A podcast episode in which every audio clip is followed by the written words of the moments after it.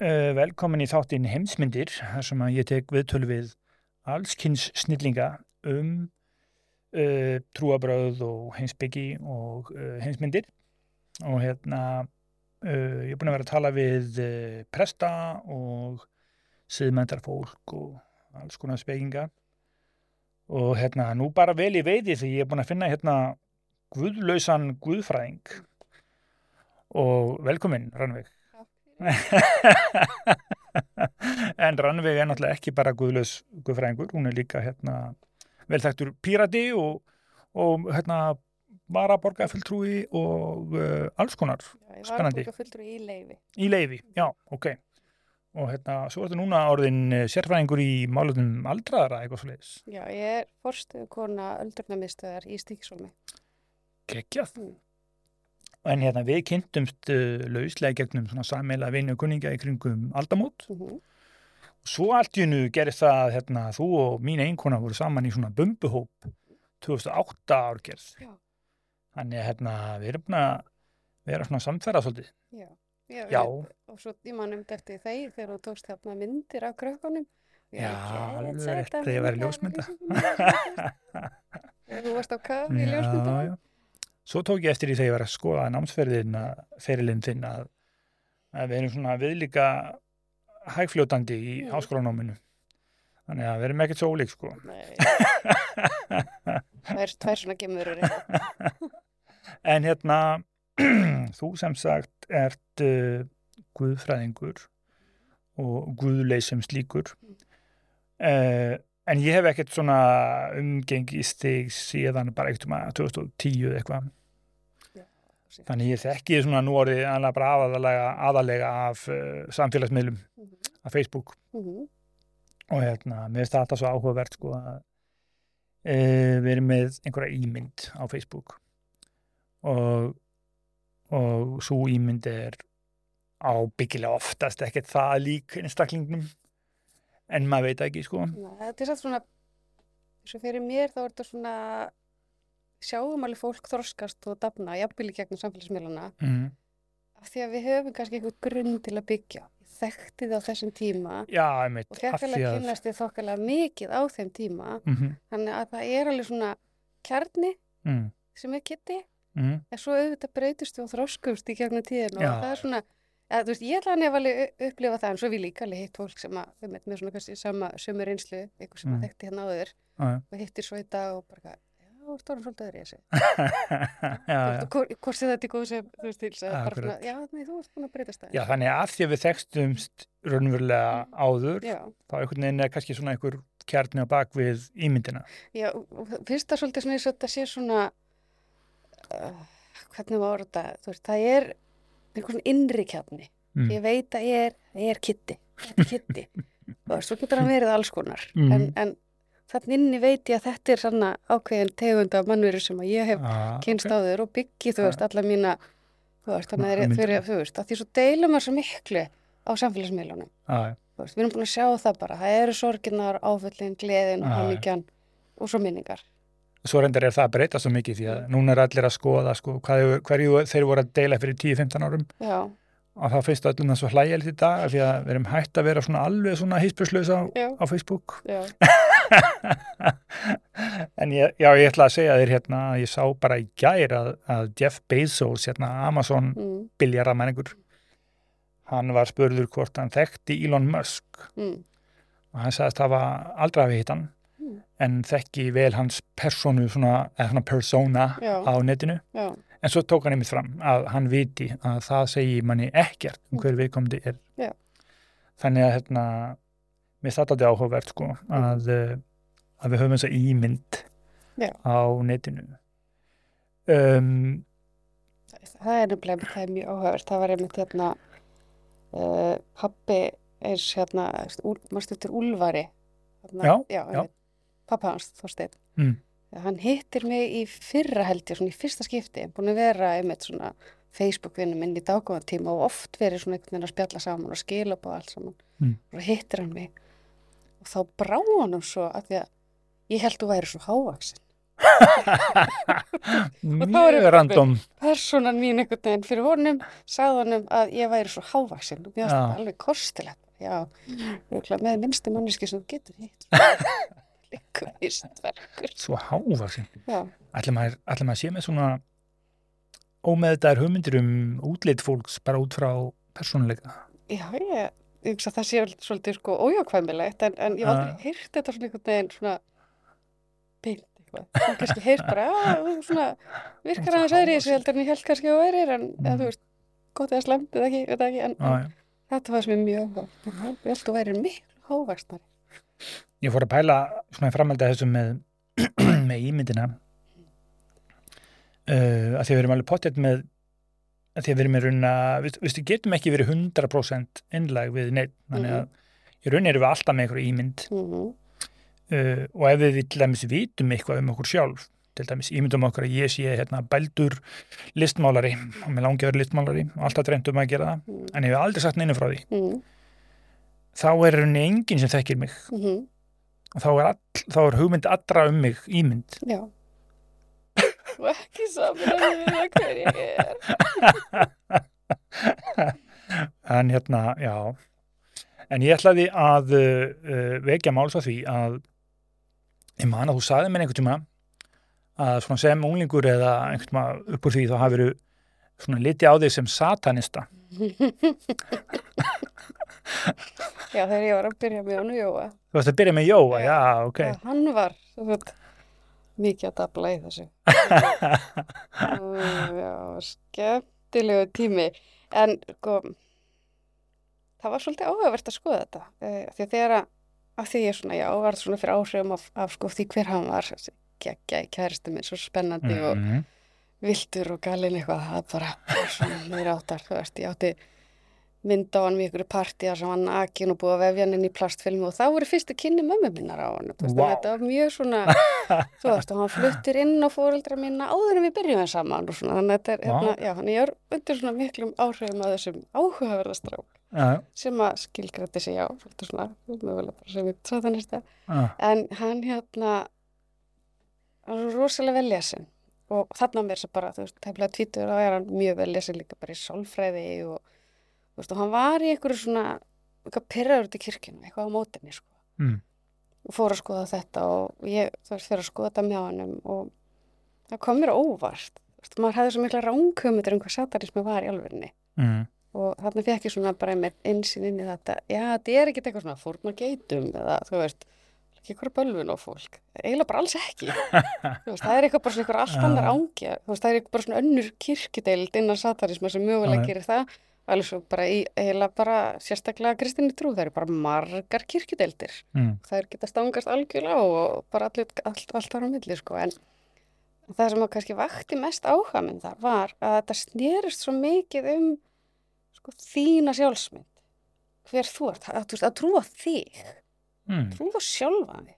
Mm, þú hefur völd það er rosalega sjálfkvært mm, mörguleiti, það var alveg ofbúslega sjálfkvært á mörguleiti en þetta þetta var samt líka bara aðalega andof gegn hræstni hjá kirkjunumenn mm, þú veist, við erum alveg vei sem horfir upp á einhverja kirkjunumenn veifandi fingrinum hérna yfir fólki og skamma það og segja þeim að þú veist, þessi hérna svitnandi syndarar í kirkju og nú ertu að tala það um Lavey, Já, hérna, Anton fræga Lavey, satanistan. já, já, og þá sko þú veist, bara segja mér mitt andu við þessu bara herðu voðalega hræstnar er þið.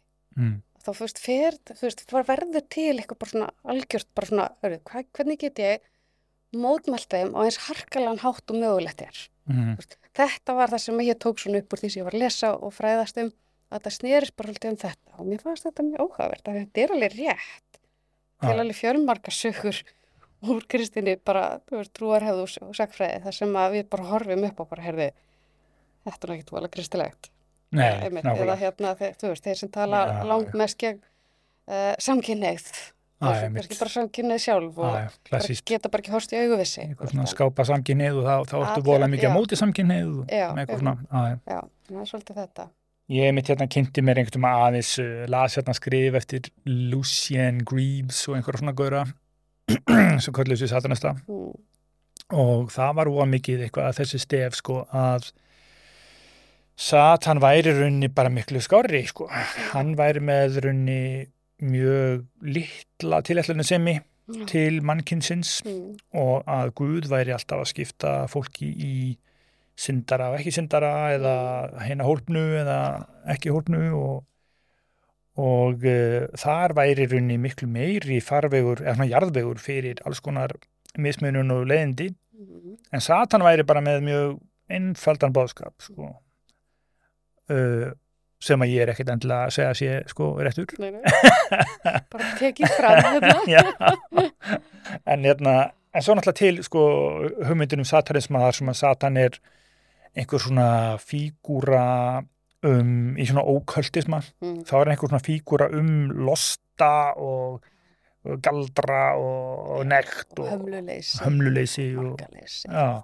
sem að fer allavega bara í mannátt og blóð og bara Já, en það var líka með þetta sem ég fannst áhugavert þegar ég er að, veist, kynnast hinum af þessu hvað satanismi var. Mm, að þar, það var einmitt líka svo mikið að þú þarft að setja mörg mm, veist, ó, ó, ólíkt því sem að kannski með þessi mynd sem þú ert að træða upp, Já, sem er svolítið með hömlu og markaleysi, að þá, þá er það, þú veist, þú átt að setja mörg og hvað er það sem við erum svolítið mikið að reyna að kenna krökkum í dag og þú veist, okkur Já. sjálf bara herðu ef einhver bregst illa við því að þú sérst að setja mörg þá er það þeirra vandamál, ekki þitt þú veist, það, Mm. það er bara svona já, það er gott að setja mörg en hvort ég myndi eitthvað fara að kenna börnar við bara sko, í nafni satans þá ætla ég að kenna þér hérna að setja mörg og þessi Já. litla rauða bók sem við fengum hérna á, á hérna fæðingadeildinni um að kenna börnunum okkar mörg mm. hún skrifaði satan, nei nei, þú veist þetta er náttúrulega bara alls ekki þannig en, mér sýnist líka því sem ég sé hjá uh, þessum uh, amerísku Mm. söfnuðum eða mm, söfnuði að þetta sé raunni, að þeir raunni bara bókstala trúa þessu ekki, sko, Nei. Þetta er ekki trúabróð, þetta er bara svona andóf og Já. pæling Já. í, í hinu trúalega samhengi, sko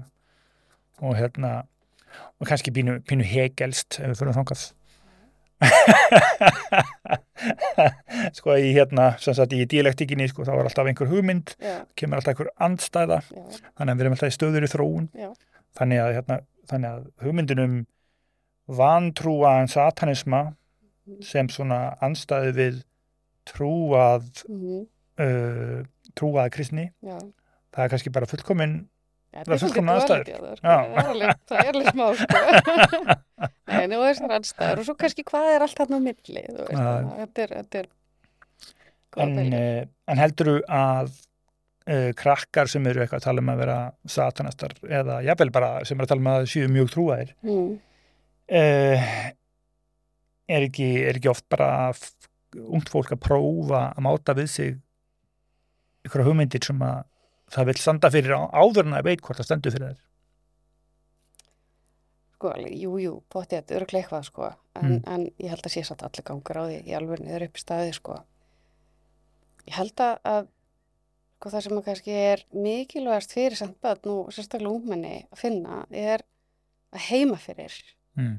er einhver svona fyrirmynd sem byggir á einhverju gildum og hugmyndafræði, þetta er svona eins og ég vona í móðgengan þegar ég segi svona, en þegar að ég heyri fólk tala, ég ætla ekki að hafa neina áhrif á barnið mitt, þá bara að vera óskrifa blað og taka akkurat, sjálf, það er sjálft. oft svolítið svona, ú, herðu, áttar það á því að þá er það, þú veist, einhverjir svo hérna popstjörnuna sem hafa það áhrifin eða þú veist, Mm. Akkurat, hann úti sem er þá að fara að hafa þessi mótandi áhrif, já, en ekki þú. Já, eða þú veist, hvort myndi, þú veist, ef ég ætti að velja Mm. þú veist, átti Britney Spears að hafa áhrif á stórustrakana mína mm. eða við pappið þeirra, já, þú veist, þetta er svolítið svona þetta fæ, þú veist, þetta er alltaf svona, svolítið viðbræðið mitt svona, mm. maður segir þetta ekkit endur alltaf við fólki í samtali en þetta er, þetta er þú veist, þurfum alveg að hugsa þessu að fyrsta fyrirmynd allra barna eru foreldrarnir Mm. og ef að við klikkum á því ábyrra hlutverki þá erum við svolítið Mm. og þetta fylgir alveg alveg inn úlísárin og heila eina sem við getum gert allan tíma mér orðið að tengda mamma þetta svolítið vel hvernig er síðan að eiga úlinga Mm.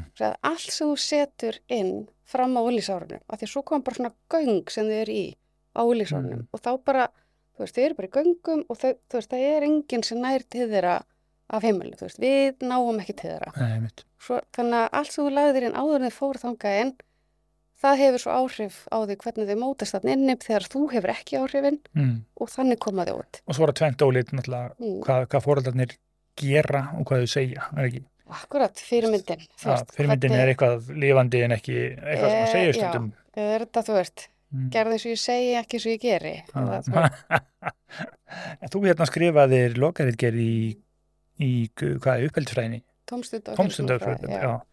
Þar skrifaðir um ferminguna. Og Bara, þú kannski, þú hljómaði aldrei svo sér með þá þau stef í huga. Já, ég var svolítið mikið að með þetta reyna að skoða þetta, ekki það, ég ætla að taka það svolítið fram. Ég þurfti að skila þessari ríkjar bara nokkru dögum eftir að móðum mín dó Já, já, og ég erfitt. man ekki drosalega mikið eftir að hafa skrifað þessari ríkjar.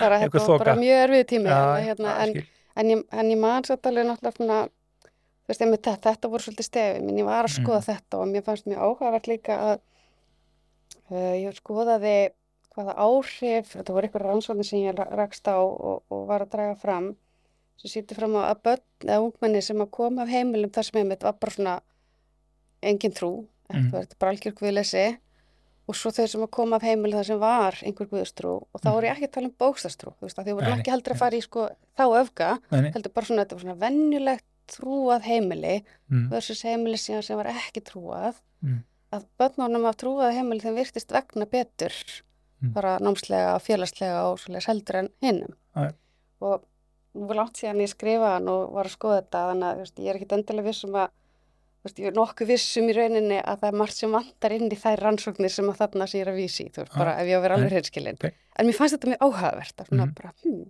af hverju ætli þetta sé Mm.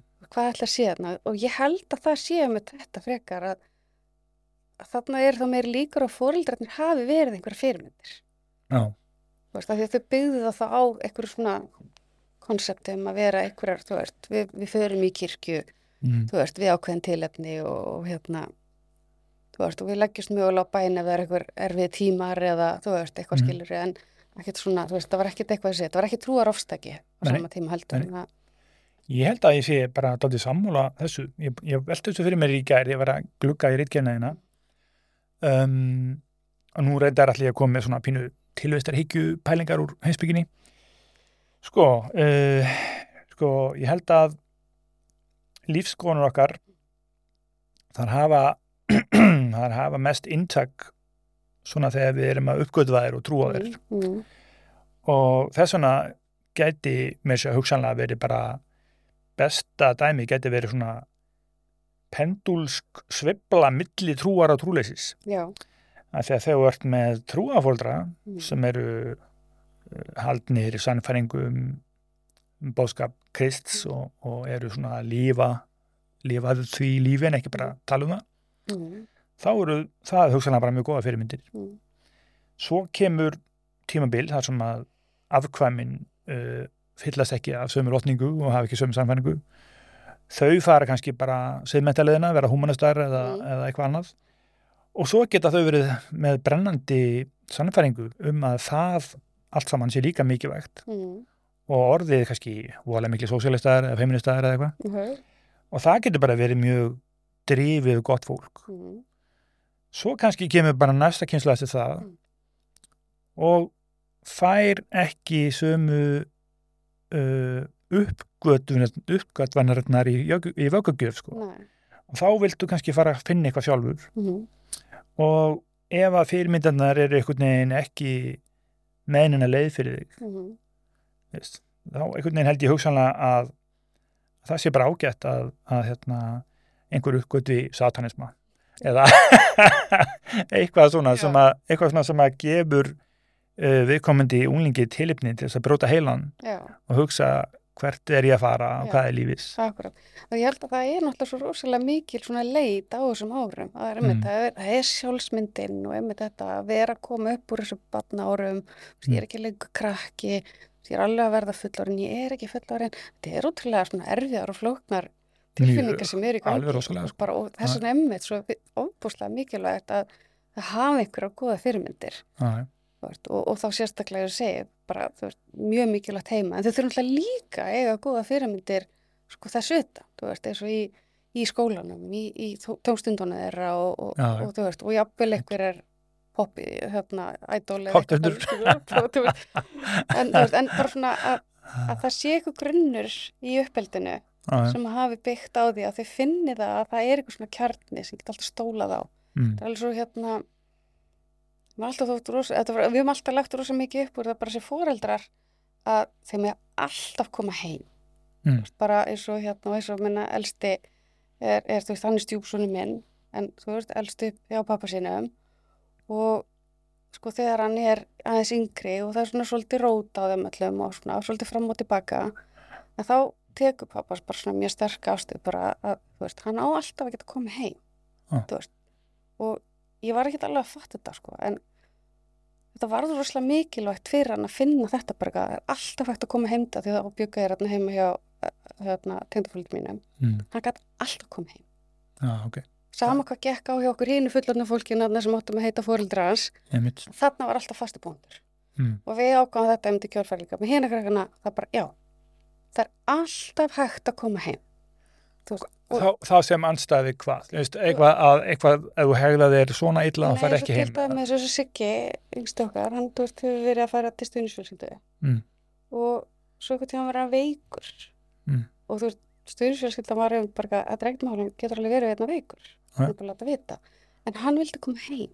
Ah, ok, því fyrir honum var bara best að fá að fara heim þegar hann var veikur. Já. og þá var bara, já, þá fær hann að koma heim já, bara bregðast við hans vilja Já, og, og við fundum þetta líka mjög stert með þeim með hann í, í COVID-inu. Mm. að um það leitið að færa hann síma og hann fær likla og hann fær bara svona mittisveski og þetta var bara hans staðalbúnari hann fór út með veski sitt, með epipennanum, með liklunum og taka símanum Já. og hann fekk hann sko svolítið svona ferðafrelsi og bara gætt færi bara á hjólinu sínu og lendi alls konar vandræði, týndist í stræt og svona vögamann mm, en hann gætt alltaf komið heim. Ah, hann, hann hafði frelsi til að fara og svona mm, rannsaka heiminn, gera mistök mm. en alltaf gæti að koma heim. Já. og líka þú veist það var alltaf einhver heima. Mér finnst það svona hliðstætt við um, eins og að eiga ömmu eða eitthvað svona eldri vin sem að sýnir manni alltaf skilning Já, veist, já, og já. Emil Katolti já, veist, einhverjum fíkurir sem að hérna, leiðar að segja næstu hvað sem er já. og segja bara já, já, eitthvað svona. Þarna ertu að koma satt inn og líka bara nokkuð sem að ég hef búin að hafa mikið áhuga bara út frá bara hérna öldranageranum mm, kynnslóðablöndin já, við erum búin að sem samfélag búin að setja upp svo mikið svona aldurslandamæri. Já, þú veist, þú fæðist svakalegt. og ert þeim með, með fóreldrinum í einhverjum svona fóreldrahóp og, og svo Mm. er komið að því að fara á leikskóla og þar ertu í leikskólanum. Og svo ertu komin í grunnskóla og ert þar með þú veist jafnöldri inn í grunnskólanum og, veist, og alltaf þetta byggir alltaf einhver svona aldurslandamæri. Mm, að þetta, þú passar inn þarna. En við erum í rauninni ekkert gerð til þess að vera með svona aldurslandamæri. Bara sem, þú veist, samfélagið er eiginlega farið að brjóta niður hvaða þarfir við höfum sem bara félagsverur, manneskjarnir og hún hefur verið að skoða þetta svolítið vel og hérna mér er svolítið góð að pósta hún hérna Lilja um þetta, svona sýstrasúlvars ok, uh, hún er með hérna, ó, hún er alveg stóluð um mér hvað hérna, hún er með hérna Instagram reikning sem heitir ó, sorry Lilja mín, sorry, ég skil ekki hvað þetta heitir. En allan að hérna mælum við, ég skal setja það í sjónóts Já, ok, uh, hérna, og þá var einmitt með bara, oft svona, hún er með svona pósta og hún var með, með í gær pósta um þetta að, að mm, í þessu hyrðikja samfélagunum, það eru meiri líkur á því að finnir sko samfélagi sem eru sjö fullornir á eitt bann já, og þetta líka tekur allt þetta, þú veist, þess að við erum að lesa bara viðtal eftir viðtal og grein eftir grein um álag á, þú veist, fóreldri með ungböld, bara Mm, þeirra já. kikna undan sáleiði Já, og ma maður tengir svo mikið við þetta við vitum alveg, Akkurat. við vitum alveg hvað við erum að tala um. Uh, og álægið bara við það að reyna einhvern veginn fungera í nútíma samfélagi í staði fyrir að byggja meira á því að fá allan aldur einhvern veginn að uppbyldu barna. Og ég finn þetta svo óbúslega stærst núna þegar við erum flutt út á land mm, komin miklu minna samfélag. Já. og veist, það er einhvern veginn allir hald utan um alla. Mm, og þetta Meiri er bara, þetta er rosalegt öryggi. Við erum búin að vera þarna í innan við hálft ár Mm. og ég upplifi rosalegt öryggi fyrir okkur bara fjölskylduna. Mm, að, bara, það er bara Já, ok. samfélagna sem að bæði tóka mót okkur og heldur síðan utan um okkur. Við vorum að flytja í desember og við vorum í 40 stæði hita að flytja og það var bara hræðilegt ég vil aldrei áttu verið í þessu spóru en þarna var bara fullt af fólki sem kom og hjálpa okkur á einn eða annan hátt sem Er- hefði enga, þú veist, engar skildir við okkur eða neitt, Þetta er bara aldrei, aldrei heyrt um 40, 40 stegi heita á Íslandi. Mm. en hérna, en þú ert að, eh, þú hefur verið að fjalla um tæknilæsi aldraðra. Mm, Nei, teknilega sem fyrir fullorna. En fyrir fullorna, fyrir ekki, já. Eh, Hérna, það er fólk á öllum aldri sem Ok. að hefur, hefur þörf fyrir að læra að hérna, nota Já, já, þar á meðal ég. Ég Ok. hef ekki kent þetta. Ég bara bjóð til umgjörina með hérna honum hýinn sínum mínum. ok, Uh, og við þetta erum stopnum til tæknilæsis. Mm. Uh, ástæðum sér uh, orðið svo tæknilæsi hérna frá ráðuneytunum manna er að því að við byggum þetta til. Uh, gerum þetta uppalega í samvinni við krakkana í skema Eftir fáum þeir svona aðeins með okkur inn í þetta við fáum líka hérna hana Guðrun Jóhanni sem er yðjþjálfi inn í þetta með okkur og fengum bara mjög mikið á svona faglegri sko, svona teimi bara sem fór að stúdera og skoða hvernig er best að kenna þú veist, og jú, vissilega sérstaklega öldruðum Mm. en líka bara fólki sem er eitthvað feimið eða rætt við tæknina og er bara svolítið mikla fyrir sig hvað er þetta, hvað á ég að gera við þetta mm. ég skil þetta ekki, ég kann þetta ekki, ég skemmi bara eitthvað. Mm. Hvernig kennum við þeim að nota þessi tæki? Er það þá með tilliti til þess að kunna á netbanka og dæmis. öryggi, netöryggi og slíkt? Akkurat, nýtt ekki eða, já, svo líka þessir hérna blessuðu tímaliklar og það dótt, sko. Já, já, og líka, Og líka bara, þú veist, aftreying líka. Já, já, Og eins og það sem var gert einmitt í COVID-inu var að þegar var verið að kenna um að hérna, eða hlifa um að prófa hérna í VR, þetta er, já, veist, þessi gleru og það, það var leitt, þú veist, þau, voru að fljúa yfir gósið og, og svona, Mhm. sko, sem að var náttúrulega ekki að, En vantilega líka með tilliti til þess að nota uh, tæknina félagslega, að vera í samskiptum Facebook. já, já, og einmitt, þú veist, mörg þeirra eiga kannski, þú veist, börn eða barna, börn erlendis og já. geta núna fyrir því meiri samskiptum við þau uh, en þetta var svona kannski aðal áherslum að fyrst og fremst þetta að kenna þeim á hluti eins og mínar síður og fleira því þetta var svona því sko, það verður þetta orð Æ, fyrir, það verður svolítið til út frá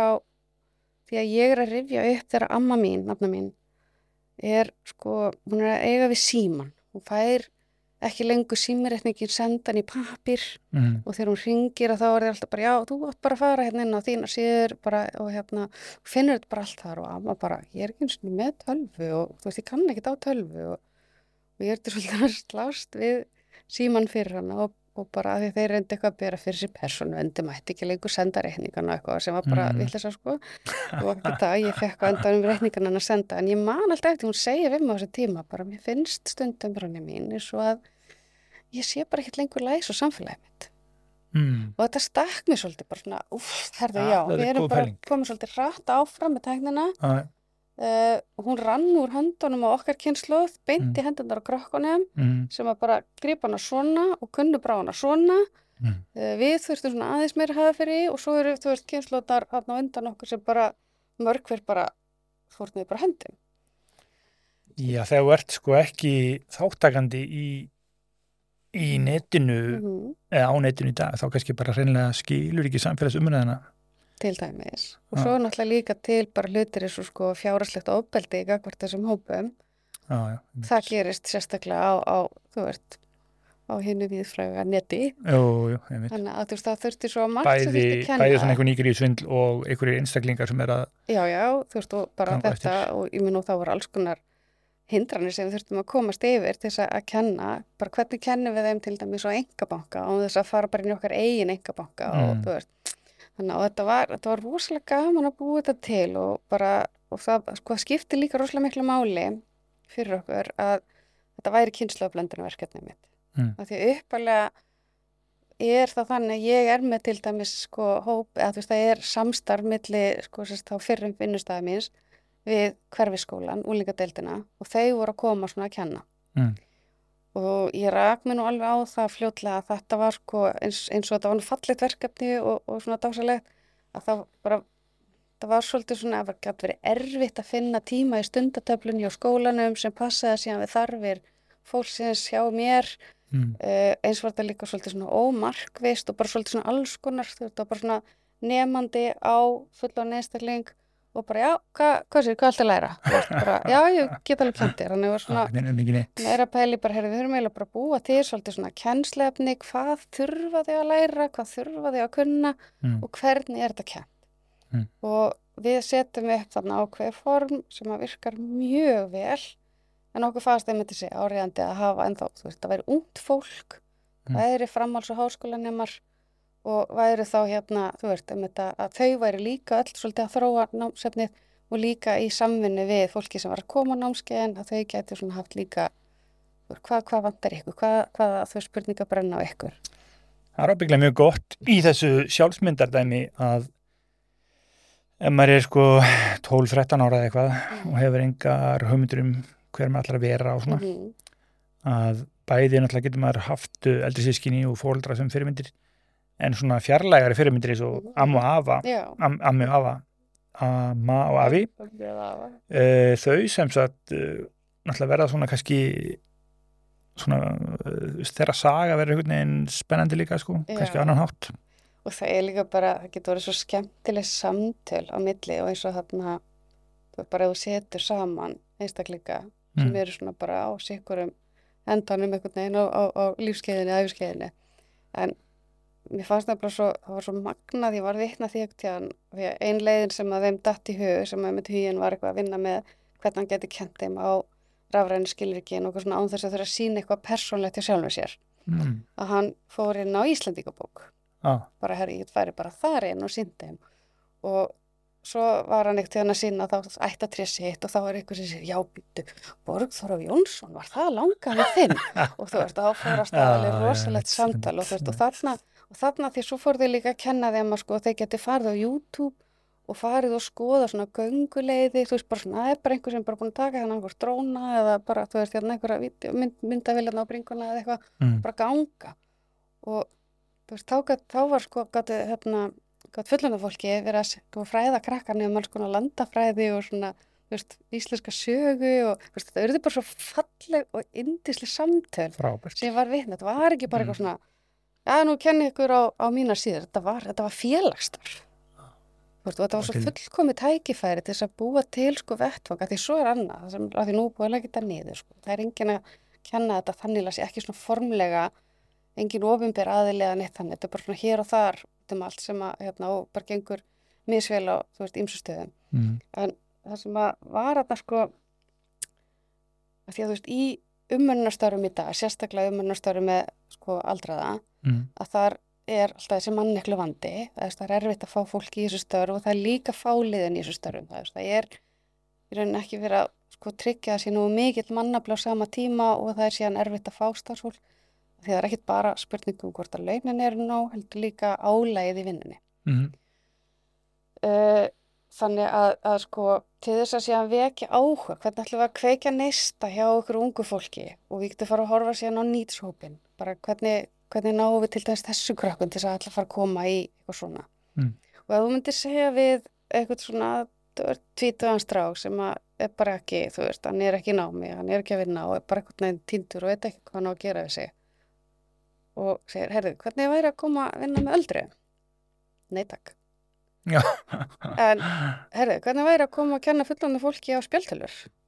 Já, já, kannski. Ah, já, já, þetta er náttúrulega mjög gott Já, og þarna, þetta, þetta, var þess fókus. að, þetta var að gerast hjá, hjá velferðsegja Reykjavíkuborg. Það var, Mm. þú veist, huginn var með tvo stráka sem voru svona strákar. Mm. Og þeir voru bara, þú veist, að flakka á milli félagsmyndstöðin í Reykjavík að kenna fólki. Veist, og þá ertu farin að opna það að fá, ekki bara að fá ungt fólk til að vilja koma í umönnustörfin, mm heldur voru þetta strákar sem er alveg einstaklega dýrum að fá inn í Já, já. þetta. Já, já, og það er með þetta bara, þú veist, samtölinn sem geta átt sér stað, þú veist, bara fram og tilbaka, þú veist, að því að auðvitað læra líka mismunandi kynsluðir, mm. þú veist, það er bara, það er svona ákveðin viska og reynsla frá eldra fólki, en já, svo kemur líka þetta nýja og hvatin frá unga fólkinu, og setur þetta saman, þetta, það getur orðið eitthvað alveg geggjað út af því, sko. við erum svona eitthvað eitthvað dóldi að missa þetta allt saman Mm. missa frá okkur samskiptin við eldra fólkið og en það hefur náttúrulega verið í umræðinni mjög mörg ár sko, kannski stöður í þrón Já, já, þetta er líka bara eins og núna viðst þetta svo jákvæmt skref hjá Reykjavíkuborg að taka verið svona í þessari því að fé- að fél, sko, þessi hét áður félastar aldrara mm, sem reyndar hétta síðast á sko 1999 síðan 99 hefur þetta heiti bara félastar fullorina og átti það bara að vera fyrir þú veist, 18 ára eldri. Mm, en svo er komin þessi innleik í dag að þetta sé samfélagshús það þýðir bara að skiptir engum máli hvað ert gamall þú mátt koma í þetta samfélagshús og þú getur komið og borða hátæðismat og það getur verið alls konar starfsemi í gangi Ah. eini gallin í dag við veist, svona félagsstarf þú veist, er að það tæru og fátt starfsfólk á þessu stöðum bara, og ég veit það bara sjálf af einu reynsla þetta er bara, það er rosalega vond að vera bara einhverju tveir, þrý starfsmenn með heila félagsmyndstöð Mm. sem á að vera full af lífi og, og, og fólki og allt saman sko. en það er allt önnur umræð og ég ætla, að lífa en, veist, en þetta er, veist, eins og til dæmis í dag, ef að þú ert með, sko, og þetta er eitt af því allra besta sem ég sé í þessu félagsmyndstöðum, í þessum samfélagshúsum, þau eru komið með memplay inn í þessi félagsmyndstöður og memplay er færanlegur ungbarnaleikskóli og þetta eru leiks, leikskóla kennarar sem eru með þetta, Mm, aftur vera saman að kynsluðir akkurat Uh, og þau náttúrulega, fyrst, fyrst og fremst að reyna að tryggja sér líka bara svolítið svona aðstöðu, að hafa svona, þú veist, fasta punkta. Þannig að það er allan að þrjár félagsmyndstöðar, það er í Bólstæli, Vítatorki og Gerðubergi, ef ég mann rétt, mm, þar sem að þau eiga bara herbergi. Mm. það eru bara mjög vönduð, þú veist, leikföng og búnar og það er að koma inn í þessi herbergi hvena sem er, sko, bara á opnunatíma félagsmyndstöðunar. Og svo eru fastir svona vikulegir sko, hittingar, þar sem Mm. að þær koma þessi leikskólakennarar og eru með samvinnustund Mhm. og þá er þú veist verið að syngja og alls konar svona örfin í gangi og, og hérna og þetta er mjög vinsall líka veist þess að þetta er fólk að verðlandum uppruna þú veist til að koma að kenna þeim að þess að komast inn í samfélagið og nær samfélagið sitt. Og fyrst var það þannig að eldra fólki var svona pínu og svona tilbaka svona, hm, akkur er þetta komið inn í félagsmyndstöðina mína? Og svo fór þið að fylgjast með og nú er þetta bara orðin stór samverstund, þau bara að ná í stóla og setjast þannig í kring og eru með. Og þetta er að opna það að ef að til dæmis og afi er að hjálpa unga fólkinu sem er ekki komið með plásuleikskóla eða eitthvað og eru svona að reyna að með þetta hlutunum Mm. þá er þetta staðir sem þau bara geta komið með litla barnabarni sitt. fengið þessu munur Nei, þau eru með það, já, þau eru með það já, Já, já, já, en já. aðstæðan er á staðinu. skil, skil Þú veist, því, og það er eitthvað annað, eins og, þarna höfðaborg, þar sem ég núna fórstu okkur nefnir, mm, að við erum með þetta búa til svona rými, það sem að er allt fyrir mm. af því að mitt bara, þú veist, hvort sem það er starfsfólk eða íbúar eða hvað, bara Mm. börn eru velkomin, gælutur eru líka velkomin. En þetta er allt of hérna, uh, fallegt og hugljúft og eðlilegt og óumdelt Mm. fyrir þetta podcast, eða fyrir þann þátt. Við þurfum að reyðja okkur yfir eitthvað hættulegt, sko. Já, gera það, Ha, komdu með þetta. uh, uh, um daginn fór í gang svaka umræða um hérna, umskur drengja Mm. á netinu Já, og, uh, og þú er mitt hérna, ég sá að þú varst svona rólega að fylgjast með þessu. Og, og lækarinn hjá mér eitthvað postaði maður rétt.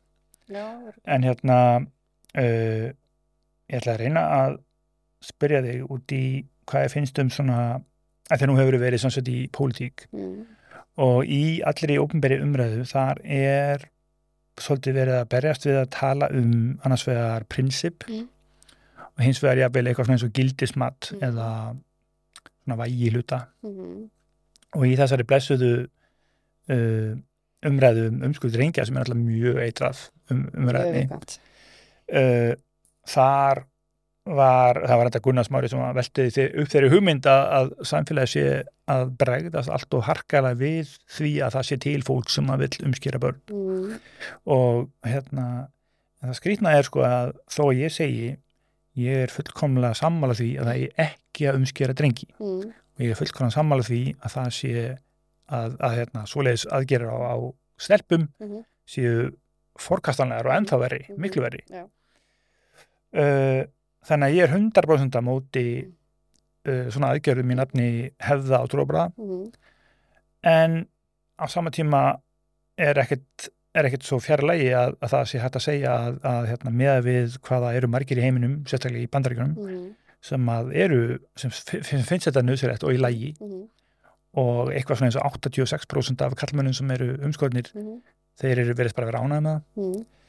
uh, þannig að það mætti segja að það, það, sko, það mætti takas umræðum hversu alvarlegt það er í samfélaginu að einhverjir stundi umskurðu drengja mhm, en það er næstuð ekki hægt af því að um leið og segir eitthvað eins og uh, þetta er ekki einslemt og þetta mhm, þá, þá klikkar einhverna prinsipphugsun í fólki og bara af hverju ert þú ekki bara að segja að þetta sé slæmt? Mhm, af hverju að segja eitthvað meir en það? Já, og það minnir þetta aldrei á hérna gamlu góðu píluna með að ef þú, ef þú segir hérna ég er ekki rasisti en já, mátt ekki segja svo leið sko.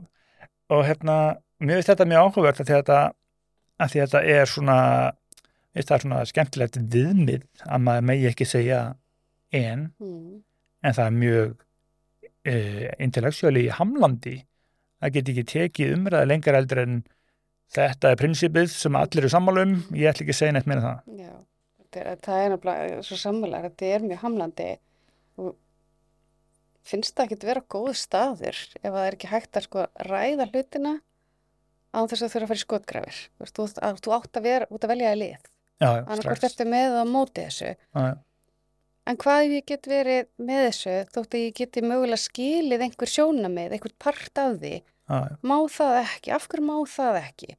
Eh, þú veist, að því að ég, ég hef áhugir af bara, þú veist, framþróun og bara, sko, samskipta formi hjá okkur. Mm. Hvernig ætlum við að eiga í samskiptum og samtali?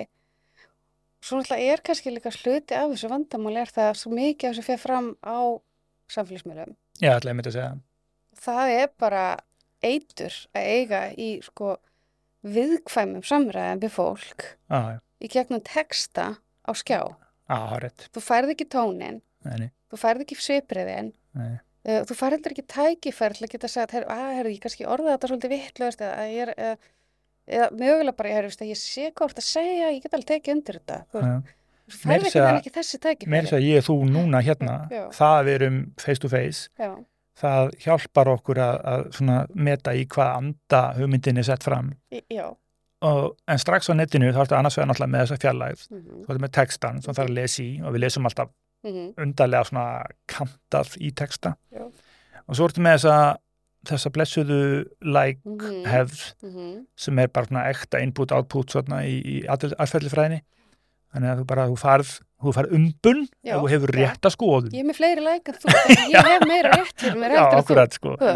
Og maður býður bara, nú er ég búin að segja, send, búin að segja þetta og nú býð ég eftir lækona til þess að það sko, réttlæta, validati justify. hérna, það, er það sem ég var að segja. sem er síðan kannski bara eitthvað algjört kjaftaði, kannski var ég bara að tala algjörlega tóma vitleysu, já, en þú veist, svo getur líka tóm veist, að því svo er það hitt, mm, kannski mest, það ég sagt það kannski mest úr þessu, við getum haft kannski eitthvað ræðilega skoðu, mm, uh, en ef við fáum að tjá hana og segja hana mm, í samtali, mm, ég þú veist bara einmitt, þú veist, ég fæ bara að segja hérna við þig að bara, mér finnst bara ræðilegt að sjá okkur svona litríka sokka, hvað er það? Hei, þetta eru hundasokkarnir mínir. Já, þú veist, bara hvernig dettir í huga að vera í þessu? Já, og svo ferð þú að svara þessu, bregst við þessu í Mhm. þessu samtali hérna okkar á milli. Já, og við fyrir bara að ræða þessu sokka. Og þannig ég veit að þá er búin að sjá bara, já, æ, þetta voru kannski sokkarnir sem að hérna þú fjast í jólagjöfum árið og það já, bara rosalega væntu það og, og hvað, hvað máli skiptir það því hvort mér finnst þið ljótir eða ekki? Og þú veist, einmitt, verður miklu ríkri samtal umræða. Og, og bara, þú veist, þetta að, að, að hérna gefa fólki sko líka færa á að, að hafa vonda skoðun mm, uh, en getur kannski komast einhver annar skoðun að því einhver er að tala við þig já, en ekki hraunni við þig. En, eða út, ég vil að mestar ágjur af því þegar að einhver skoðun er talin raung og fólk er jaðarsett fyrir hana.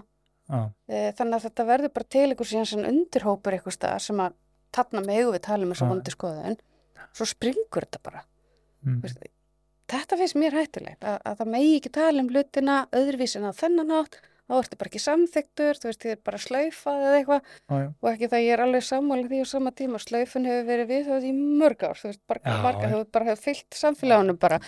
En, en þú veist, er það endilega eitthvað gott að slæfa eh, þú það er, það er raunin það sem við erum að tala um sko. af því að, því að sko, þetta minnir mig pínleiti á kirkjulegu umræðina um sko, að, kirkju, að sko, kirkjan sem samfélag mm, sé fyrir syndaran sko, að hérna, þú þarft að hafa samfélag sem tekur á móti þeim sem að eru eiga erfitt mm, og eru erfiðir, mm, veist, við viljum ekki bara taka á móti fólkinu sem er fallegt og, og hérna, segja þægilega hluti.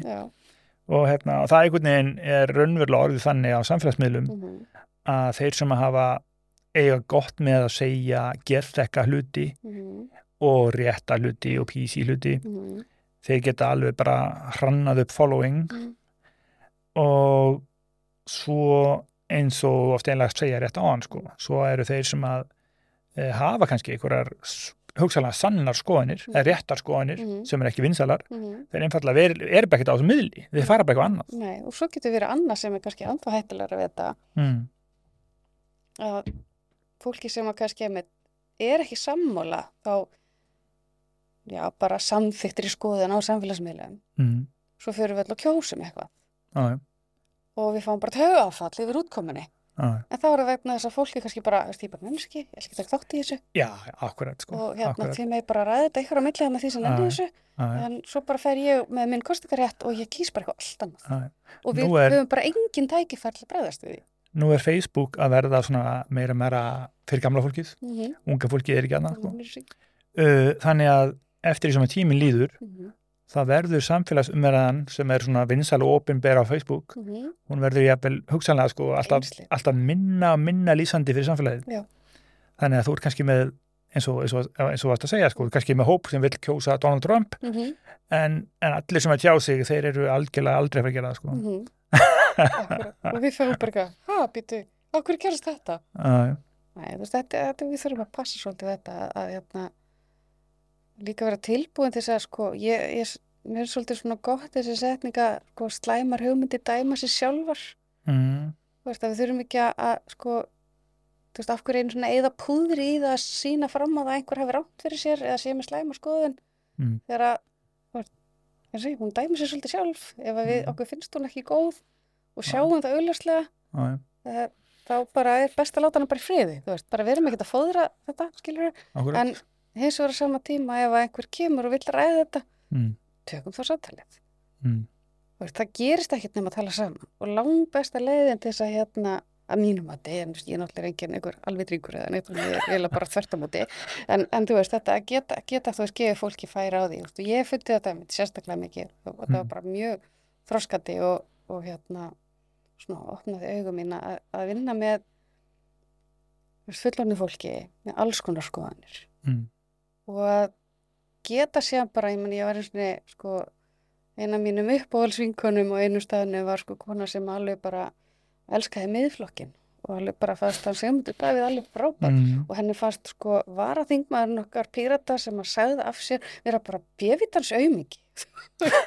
Og þetta bara, við vorum bara báða já, mjög, ég er svona hispislust já, og mjög Já. heispislist típa uh, ógæðislega skemmtileg típa mm, ég hafði svo gaman að tala við þessa konu. Já. og yfirleitt alveg tókust við á svo Já. bara klöppum við okkur annar á bakið knúsuðust og hlóðum er ekki þetta er ekki þetta einmitt máli sko? Við erum aldrei búin að glata eða erum svona kannski einhver leiti að glata þessari glettnu leið til þess að tala saman um erfiða hluti Já. uh, og skilja það síðan eftir út fyrir karakterin eða persónu já, það er enda mjög erfitt sko. þú veist, en, það er bara en þú ert með svona hluti svona eins og viðkvæm málefni eða umfjöllunefni eins og til dæmis hérna, löglegin kvíknefna veginn- Mhm. það er alltaf einhver sem að bara skellir hérna, eitthvað hreinlega. dyrunum bara að segja, heyrðu, bara við ætlum ekki að ræða þessa vittlisu sko. eða það að eitthvað svona, eitthvað svona ræðilegt og vændi eitthvað, sko. Vist, það er alltaf einhver sem bara algjörlega getur ekki opnað þá umræðan einn hát sko. Og, og þá var þessi prinsipphugsun sko. þetta er ránt, við ætlum ekkert að ræða það Mhm. en ég held að svo hugsun bara fungir ekki sem samfélagstæki sko. Nei, það, það, sko, það að vera fastur í því að en þetta er bara bannað já, er, þú veist, það er hamlandi. Veist, það, það, það verður engin framþróun samfélagslega ef við ætlum alltaf að horfa á það bara, já, þetta var eins og bara bannað. Og við höfum bara alltaf það þannig og þetta er bara mjög stefn mjög því að því þú tekur einmitt fram hann sko, með vímefnin sko.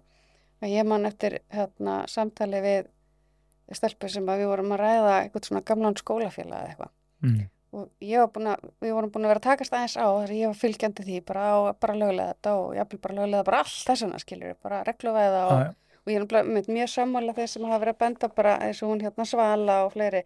Þú veist, eigum ekki eins og tala um lögulega eitthvað, að tala um regluvæðingu Mm. mm. þetta er bara, að því það er það sem við gerðum eins og áfengi og tóbak og akkurat. þú veist, þetta er regluvæðing, ekki að lögulega um, eh, og við erum að takast á, hún hún er bara, þú veist, já en, þú veist, við lærðum þetta, að þetta er bara óholt fyrir okkur og skadalegt og þetta er bara ólöglegt og ég segi, já, þú veist, þið finnst alltaf lagi að draka áfengi, já það er löglegt, þú veist. Já. Ég bara, já, af hverju er það eitthvað skárra heldur en neitt og ég mun svo geti bendir hér á okkur rannsóknir sem sína að áfengi er ekki verra heldur en fullt af öðrum einhverju vímefnum. Akkurat. En þú veist, þá er það samt allt í hennu bara eitthvað, já, en Mhm. það er bara ekki, þú veist, hitt er bara ekkert löglegt, það bara næri ekkert lengra. Meni. En svo þegar, einmitt, þú veist, bara maður fyrir að sjá þetta í dag og svona, það, það, sko, það er hérna náttúrulega hjá Rauðakrossanum og fleira hérna með sko skaðamingur og allt og þeir hafa sko lift grettistaki í þessu að Já, taka þessu umræðu upp á annar stig, sko, en, Já, já, en við náttúrulega sjáum líka hvernig Portugal fór að og hvernig það allt saman hefur bara Já, já, þú veist, bara miklu til betur, sko. nýmur dæmi og ekki það, ekki þetta er eitthvað nei, en það er alltaf já. heldur en það sem er ekki að virka, það sem við erum að prófa, en, en Já. var líka bara, því svo segi ég, sko, svo fyrir að tala um hann að gamla skólabræðir og ég segi, já, svo sorglegt með hann að horfa upp á hann, bara veslast upp, bara í, hérna, hann alveg búin að missa tökin og þá var eitthvað sem var bara svona, já, reykti bara, þú veist, gras alla daga og greið Mhm. ekkert, sko, og hún bara, já, og samt viltu löglega. já, Já, ég menna, þú sér það að þó svo var- þetta sé ekki löglegt þá er hann samt að gera þetta Þú Já, já, Þannig að akkurat hvað, hva, þú veist, það breytir einhver fyrir hann. Þetta er mjög, mjög fyndi En svo er ég með hérna svolítið svona viðs, ja, skemmtilega viðsnúning á þessu að því að, Mm. að því nú var ég að gaggrina svona prinsipugsun og svona viðbrögð. Og hérna ég hef alltaf verið á þessum væng sko að, að það þurfa að, að taka portugalsku leðina og bara Mm, lögliða eða afglæpa væða mm, Svo hérna einhvern tíma var ég að spjalla við vinkona mína og hún stakk upp að því áfengi er því bara bannað í framtíðinni. Mm, og, og ég bara gati ekki henni tekið það samtal sko, ég var svo, ég var svo hissa. Já, bara ha bara þurft að fara af síðu sko. En svo er það búin að vera að renna, að renna upp fyrir mér síðan sko að, að bara, veist, það er ekki ég er, er ekkit, það er ekkit mín stefna sko.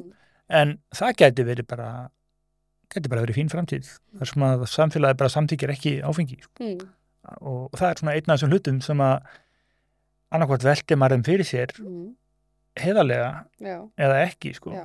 en er ekki bara, er ekki bara búin að skella dyrunum að því að, Mm. Að sem er ekki tilbúin í einhverju umræðu sko. já, þetta er náttúrulega, að ég get alveg ímyndað mér, þetta sé svona stuðandi, bara hvað þetta er eins og þetta er svo galið eitthvað. sko. Já, maður er bara að fá sér bjóra á, á, á kaffhúsinu og Já, svo bara, ha, já, á ég ekki í framtíðinni hugsanlega að geta fengið mér bjór Já, já, þetta, já, þetta, Það þetta er einmitt, en það er líka, eins og segja, að sama tíma, bara af hverju má ekki þá samt allan að ræða þetta, sko. Já, já, algjörlega Já, ég var að spája hérna uh, svona enda þetta spjall okkar Mm, á mjög asnalegri sögu ok, Það var nefnilega þannig að einu sinni dreymdi mig og þetta er alveg, þetta er bara fárlegt sko. Mér dreymdi algjörlega out of the blue að ég og þú ættum svon saman. mhm, Ég veit ekkert okkur mér dreymdi það sko. Nei. En hérna, en ég hefði fyrir reglu og það er svona, svona ákveðin heimsbyggi sko. mm, Ég hefði fyrir reglu að þegar mér dettur fólk í hug eða dreymir það eða einhvern veginn þegar það kemur upp í lífinu þá hef ég bara saman við það og segja frá því. Já. Og það og, og þegar það er svona asnalegt svo þetta sko, sem er svona pínu einhvern veginn á gráðsveði þá virkar það asnalega sko, en, en það skemmtilega við það er að það hefur svo mikil áhrif á samskiptin að maður hérna það, það eru þetta skemmtilegt að einhver, einhver mun eftir manni og, mhm, og segja, heru, ég var að hugsa um þig uh, bæði sko, meðvitað og ómeðvitað. Ég veit ekki, mér dreymdi þig, af hverju, I don't know. Já, en hérna uh, þannig að ég sagði þig bara frá þessu. Já, þú tókst ég bara mjög vel. Draumur. þurrlega drömmur sko. Já, ég menna, ég held að, sko, ég held að allir eiga einhvern svona, einhverja söga sem þið dreymir eitthvað já, sem að getur verið ótrúlega óþægileg, sko, óþægileg að segja einhverjum frá eða Mm. bara eitthvað svona, ó, þetta er óslega skrítið, en já, draumar eru satt, sko, allan að ég er á því svolítið að draumar eru leið, sko, undir meðutundarnar eða innsæðis að reyna að ná til okkar, Mhm. að reyna að segja okkur eitthvað já. og veist, hún er svo frumstæð undir meðutundin, þannig að það sem hún notar til þess að segja okkur eitthvað sem við þurfum Mhm. síðan að já, það, er er alls ekki þannig að okkur sé að dreyma eitthvað sem okkur langi, að, veist, það er ekki- nefnir sem við erum bara við langar að dreyma þetta en hann er einhvern veginn að díla við eitthvað já, heilin, sko. já, það er eitthvað Já, já. skilja og og það getur bara verið eins og þetta, það er bara einhver pælingarna sem einhver staður Mhm. undir og undir með þetta er að segja herðu, hérna, ég er að reyna að segja þér eitthvað en að, þú veist, er aftur, kemur svolítið kannski eins og upphafi. Það er ákveðin kjarna ímynd sem ég hef að þér. Mm. Þannig að þegar þú sendir mér eitthvað svona, þú veist, þá hlægir bara. Já, já, bara, bara honum, Kiddi, já, ok, dreymir eitthvað svona og bara bladrar því sem bara út þessu ekkert sé. Þú veist, og ég bara veit það, að þetta er bara allt í góðu og eiginlega brókslega fyndið og bara blessaði verðu. Það hefur örgulega verið frábær krakki. já, vei en ég fór að hugsa, sko, kannski er, er þetta svona einhver, veist, ef við tökum eitthvað svona Freud á þetta, eitthvað, Mm. veist, eða Jung kann- kannski er þetta einhver svona eh, ímyndað barnið, kannski er það einhver svona samilur vínur okkar Mhm. þess, sem að einhvern veginn, því mér fannst þetta líka að vera svona einhver, að ég hefði vannræktan eða ekki, ekki hitt þennan Já. són minn Já, lengi, Mm. þurrulegt Já. en hérna, en, en ég ætla að segja annað með hvað þetta varðar mhm, eh, að það er til hérna svona hugtak sem er kallað flow state hljóðstæð. svona verið flæði Já, já, já, ok. Já. og hérna uh, heimsbyggingurinn og bútistinn hérna Alan Watts tala mikið um þetta líka Mhm, og þá er þetta aldrei, sérstaklega fjallar hann um þetta í svona samengi við listir og að dansa og syngja. Mhm, að þú getur og að uh, þjálfaða upp í þér að, að vera bara í algjöru flæði með tilvörunni mhm, og, og mér finnst þetta svona vera alltaf þess eðlis að, að þegar mér dreymir eitthvað fárlegt og ég segja bara frá því þá er ég ekki að láta sem sagt hérna, samfélagsnormin trubla mig og eitthvað svona feimni eða stress segja það bara og sé hvað gerist Flæði. Er ég elska flæði, það er bara eiginlega af eitthvað sko síðastliðin tvö ár Mm. ég færi í gegnum voru bara mjög þroskandi síðastliðin tvö ár hjá mér. Mm. Bara fór frá því að hérna upplifa rosalega höfnun, Ok. uh, þú veist, bara í prófkjörinu hjá okkur pyrtum og hérna Ah, og bara svona varðarlega bara ok, það voru vendingar sem ég hafði sem að síðan bara stóðust ekki Mm. og ég stóð fram með fyrir því bara að hérna þurfa svolítið að ok, ætla ég að, þú veist, láta þetta taka mig niður eða hvað ætla ég að gera við þetta Mm. og ég ákveða með þetta, þú veist, sjálf að fara svolítið bara fyrst, fyrstu viðbrið hjá mér eru þetta bara að, hérna, aðeins að sleikja sárin og vera smá sári smá tíma Mhm. og svo bara, herri, ok, ég ætla samt að ég ætla að fá eitthvað út úr þessu Mhm. ég ætla að fá eitthvað út úr þessu, ég ætla ekki að hafa bara eitt öllum tímanum orkunni í eitthvað sem að síðan bara varða ekki eftir mínu höfði, það er kannski bara eitthvað annað sem er þarna Mm. og ég fer bara og nota alveg heilt ári bara svona að læra bara sem mest út úr öll í kringum mig Uh, og ég fekk alveg rosalega mikið út úr því að fá að kynnast borgarstjórn og lífinu þar og að vera svona í meirlita samstæri með mjög ólíku flokkum Mhm. það var einmitt bara einmitt þar, það sem ég var sá bara að vá hvað það skiptir miklu máli um að tala saman ekki Mhm. verið í samskiptum á, á veist, Já, já, akkurat og, og í upplifa það, líka Já. bara, ég gæti verið alveg bara rosalega ósamála og ég gæti verið hundleðileg við dag yfir ykkur en svo bara, þú veist, hérna prjóna ég peysandum, þú veist. Eitthvað svona skil, allir gangur á þessu og það var mjög þorskandi en þegar ég síðan búin með svolítið hennan kabla að fara svona að læra og, og hérna bara sanka að mig bara reynslu og, upplifin og bara vera opinn fyrir einhvern veginn öllu. Mhm. það er, við viljum að prófa hérna nýtt kerfi hérna? Því píratar er alltaf að prófa eitthvað kerfi. Ok, ég ætla bara að læra þá þessi kerfi. Já. þá bara læri ég að því. Þá Mhm. bara, þú veist, kann það bara meira. En það er svona flæðir ekki, bara, bæ, líka bara það í upphafi sko að taka það ákvörðun að vera í frambóði já, veist, það er náttúrulega ákvörðun sem að, veist, getur alveg verið Mm. svekkjandi eða já, bara Verið- rúslega opinbera eða þú Já, veist, já. maður að opna svo, þú veist, þú veist að bjóðast þess að er vera að dæma þig sko. Já, Já, já, þú veist, og, og selja ímynd sín eitthvað, Já, ah, já. þetta er rosalegt sko. En svo kemur þetta, þú veist, þegar ég er búin að ná ykkur svona ákveðnum árangri þarna, þú veist, ég Mhm. bara allt í einu da- dafnaði bara rosalega mikið og, og náði hérna að gera rosalega, þú veist, ég bara mjög stolt af þessum tíma, bara Mhm. hvað ég náði að gera mikið. Já. Að þá fór ég líka að sleppa ennþá meira, að bara, um þetta, ennþá meira flæði. Mm. Og allt í einu, næsta sem ég veit er að ég bara bý ekki lengur í Reykjavík og er að gera eitthvað allt annað og þú veist, og við Sting bara eitthvað svona sjáum bara hvað gerist. Akkurat. Og þú veist, jú, vissulega er ég að segja er í ársleifi frá borgarstjórn en ég held ekki að ég sé að fara að koma neitt tilbaka Nei, nei, ok. Það er bara þetta og við gerum þetta rosa mikið við tölum um þetta. En þetta er einmitt held ég líka mjög glæsilegt sko, veist, þetta með að, að eh, ef við höldum áfram með flæði sko, að e, taka því sem að Mhm, gerist mhm, og leifa því bara að fara ángar sko. Já. Án þess kannski að vera laus við það að hafa plön eða markmið. Mhm, en hérna, til dæmis þetta bara að ég sé hér sko. e, það kom bara til hérna í spjalli hérna á Gunnari Smára. Já, og, ég segi bara, vá, maður gera þetta. Why Já, not? já. en, hérna, en samt er það raunni ákveðið mikið með sköpurlæði okkur er ég að gera þetta? Er ég nóg klár, er ég hérna, Já. nógu viðræð góður? Og, og svo í þínu hlutverki sko að fara í pólitík Mhm. er ég hérna er ég framtíð Íslands Hér með kemur fórseta fram. Ég kom að máli við sjálfa mig. Heru, þetta var hérna bara rosa gaman uh, Rannveig, ég ætla að hleypa þér og, og sjálfur mér heim Jú. til barnana Ég er reyndar að fóra til Ísbúð og svo eftir að keiri tvo og hálfan tíma.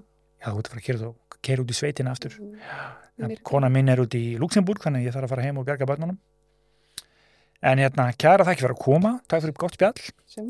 Og hérna bara takk fyrir að horfa. Bless bless